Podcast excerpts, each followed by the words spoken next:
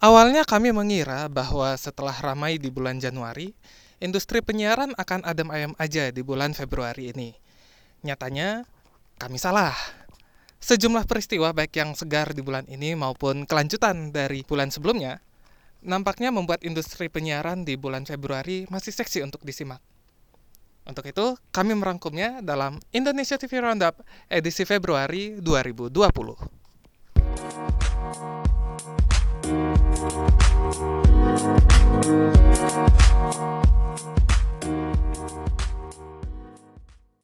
Halo, saatnya kembali kita ngobrolin TV.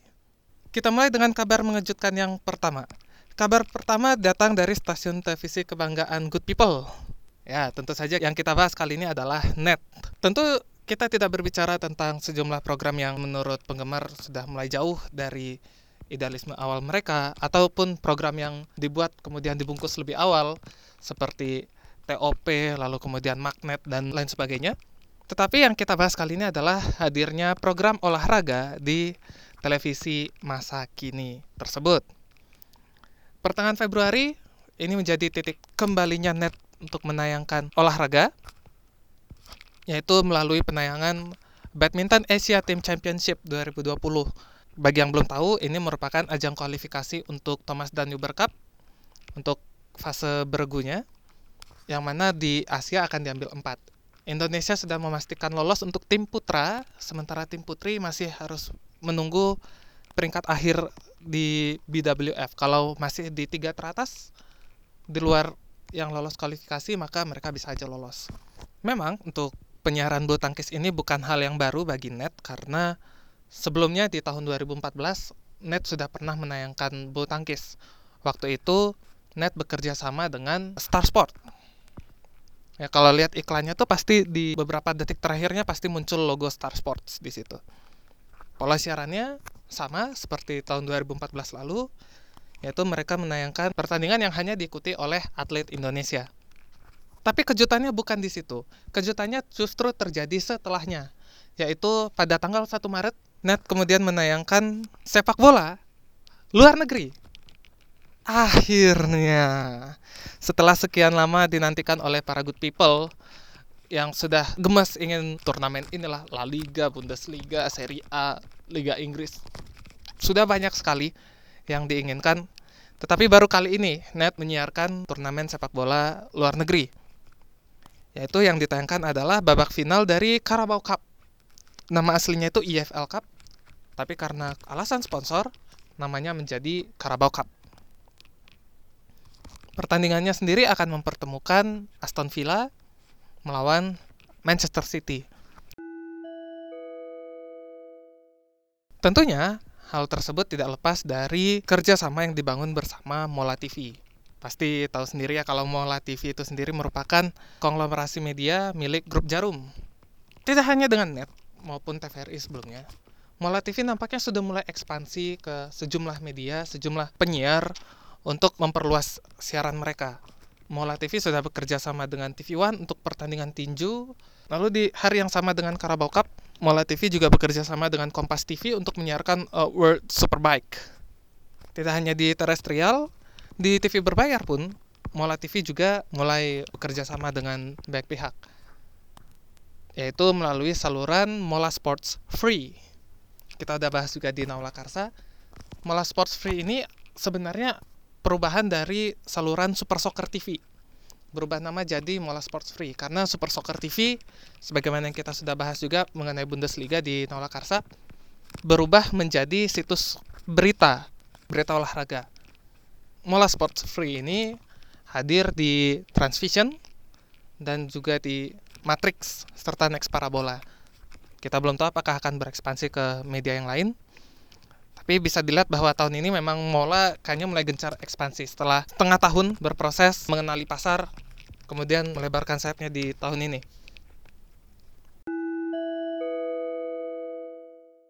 Oh ya, tadi kan kita sempat membahas TVRI ya. Ngomong-ngomong soal TVRI, tentu tidak lepas dari kisruh antara Dewan Direksi dan Dewan Pengawas, yang sebenarnya kisruh ini pun belum usai. Ada beberapa informasi yang sengaja tidak kami angkat, seperti artikel mengenai Komite Penyelamat TVRI, lalu Pak Jokowi kecewa dengan kisru TVRI, dan lain sebagainya. Karena semuanya berpotensi kepada penggiringan opini. Jadi kami memutuskan untuk tidak menulis tentang itu. Yang kita bahas ya faktanya aja. Fakta yang bisa kita angkat di sini yang pertama, jadi setelah Pak Helmi diturunkan dari posisi dirut, ternyata Dewan Pengawas ini membuat seleksi lagi untuk pemilih dirut TVRI yang baru. Seleksi dirut ini dilakukan mulai 30 Januari, telah menjaring 30 pendaftar, dan kemudian terseleksi 16 orang. Dari 16 orang ini beberapa namanya mungkin sudah dikenal, seperti Charles Bonar Sirait, presenter kondang, lalu Imam Brotoseno, sutradara, Gusti Randa, dan Surya Pratomo, mantan direktur utama dari Metro TV. Usut punya usut ternyata proses seleksi ini dilaksanakan tanpa melalui koordinasi dari DPR. Akibatnya apa? Komisi 1 DPR RI kemudian memberi rekomendasi kepada Dewan Pengawas untuk menghentikan sementara proses seleksi di RUT TVRI. Tentu jangan berharap banyak dulu kalau Pak Helmi Yahya bakal balik, karena Pak Helmi Yahya ingin balik kalau syaratnya satu, birokrasinya sudah diatur lagi. Itu sudah disampaikan di bulan Januari lalu. Kenapa proses ini harus melalui koordinasi? Karena kita tahu sendiri TVRI merupakan lembaga penyiaran publik dan sebagai lembaga penyiaran publik, TVRI harus menyampaikan seluruh prosesnya itu secara rinci kepada DPR karena proses ini juga berkait dengan anggaran yang harus dikeluarkan terus juga transparansi prosesnya tidak ada sistem beli kucing dalam karung dan lain sebagainya. Masanya selesai? Belum. Ternyata ada kabar mengejutkan lagi. Pada 26 Februari 2020 Badan Pemeriksa Keuangan atau BPK itu memberikan laporan audit kinerja mengenai TVRI kepada Komisi 1 DPR. Yang dilaporkan di sini sebatas audit kinerja, bukan audit untuk tujuan tertentu. Ya, jadi kalau ada yang komplain masalah ini itu ini itu sama itu belum masuk ke audit kinerja, maka itu tidak akan dibahas. Dari hasil audit tersebut, BPK menggarisbawahi kinerja Dewas yang ternyata banyak penyimpangannya. Kalau kita bandingkan dengan rapat dengar pendapat yang dilakukan dengan DPR di bulan Januari lalu, Dewan Pengawas mengatakan bahwa ada banyak penyimpangan yang dilakukan oleh Dewan Direksi. Ternyata ada lebih banyak lagi penyimpangan yang mendasar yang dilakukan oleh Dewas menurut BPK. Lebih lengkapnya silahkan dibaca di Naula Karsa.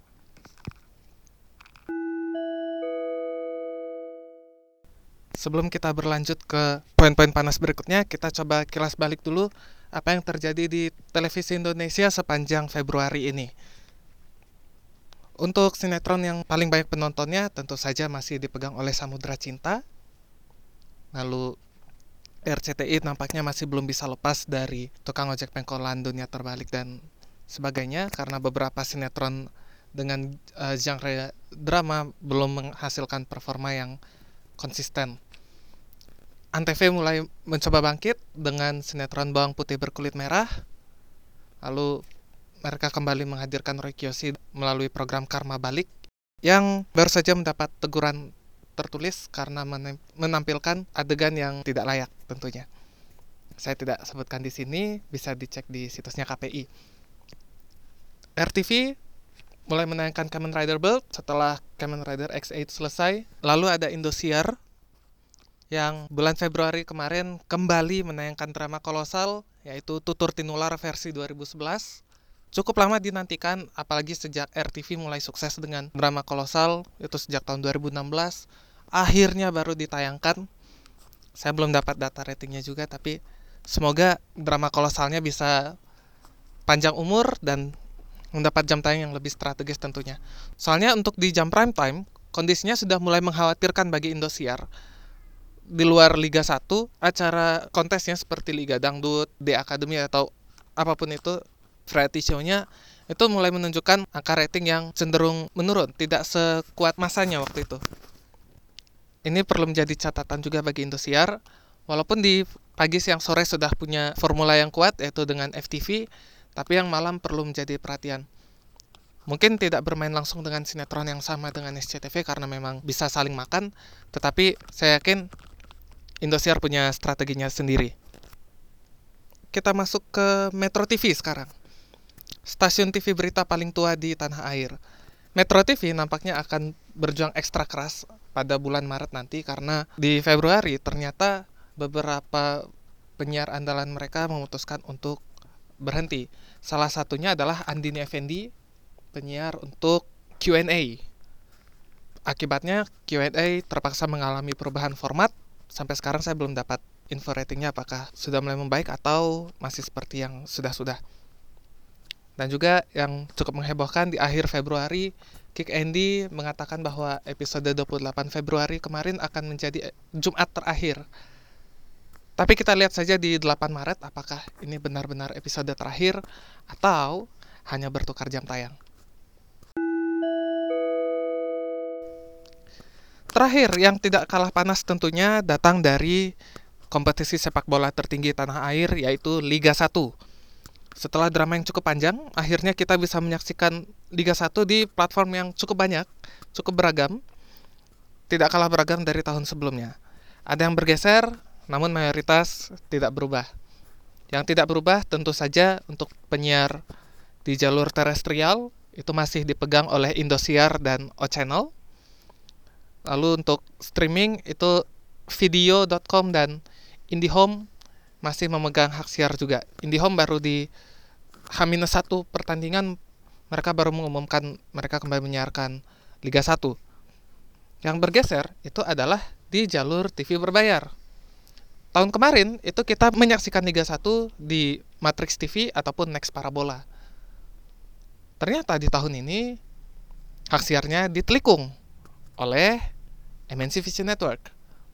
Itu berarti bagi yang menyaksikan Liga 1 melalui TV berbayar karena berbagai hal baik itu daerahnya tidak terjangkau siaran terestrial, biaya streaming yang tidak cukup terjangkau, ingin lebih praktis, memakai satelit, jadi harus pindah ke MNC Vision ataupun K-Vision.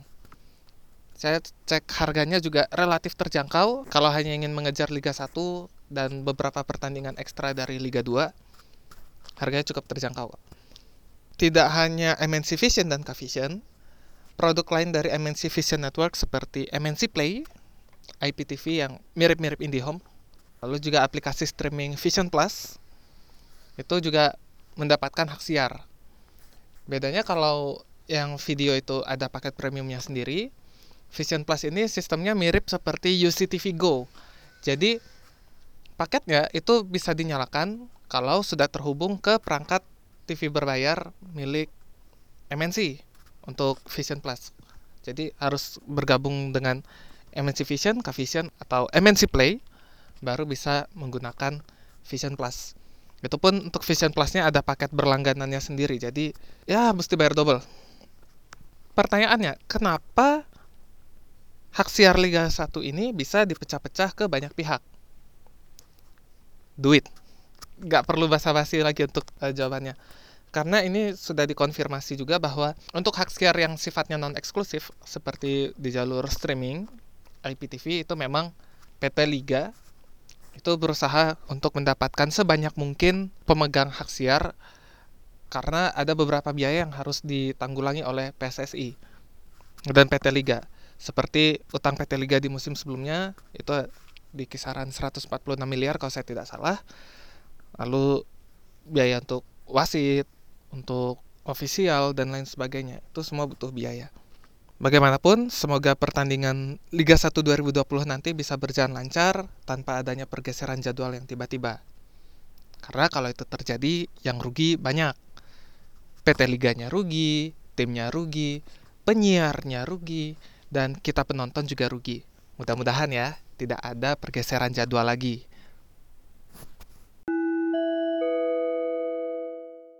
Tidak disangka, Februari isu penyiarannya semakin panas.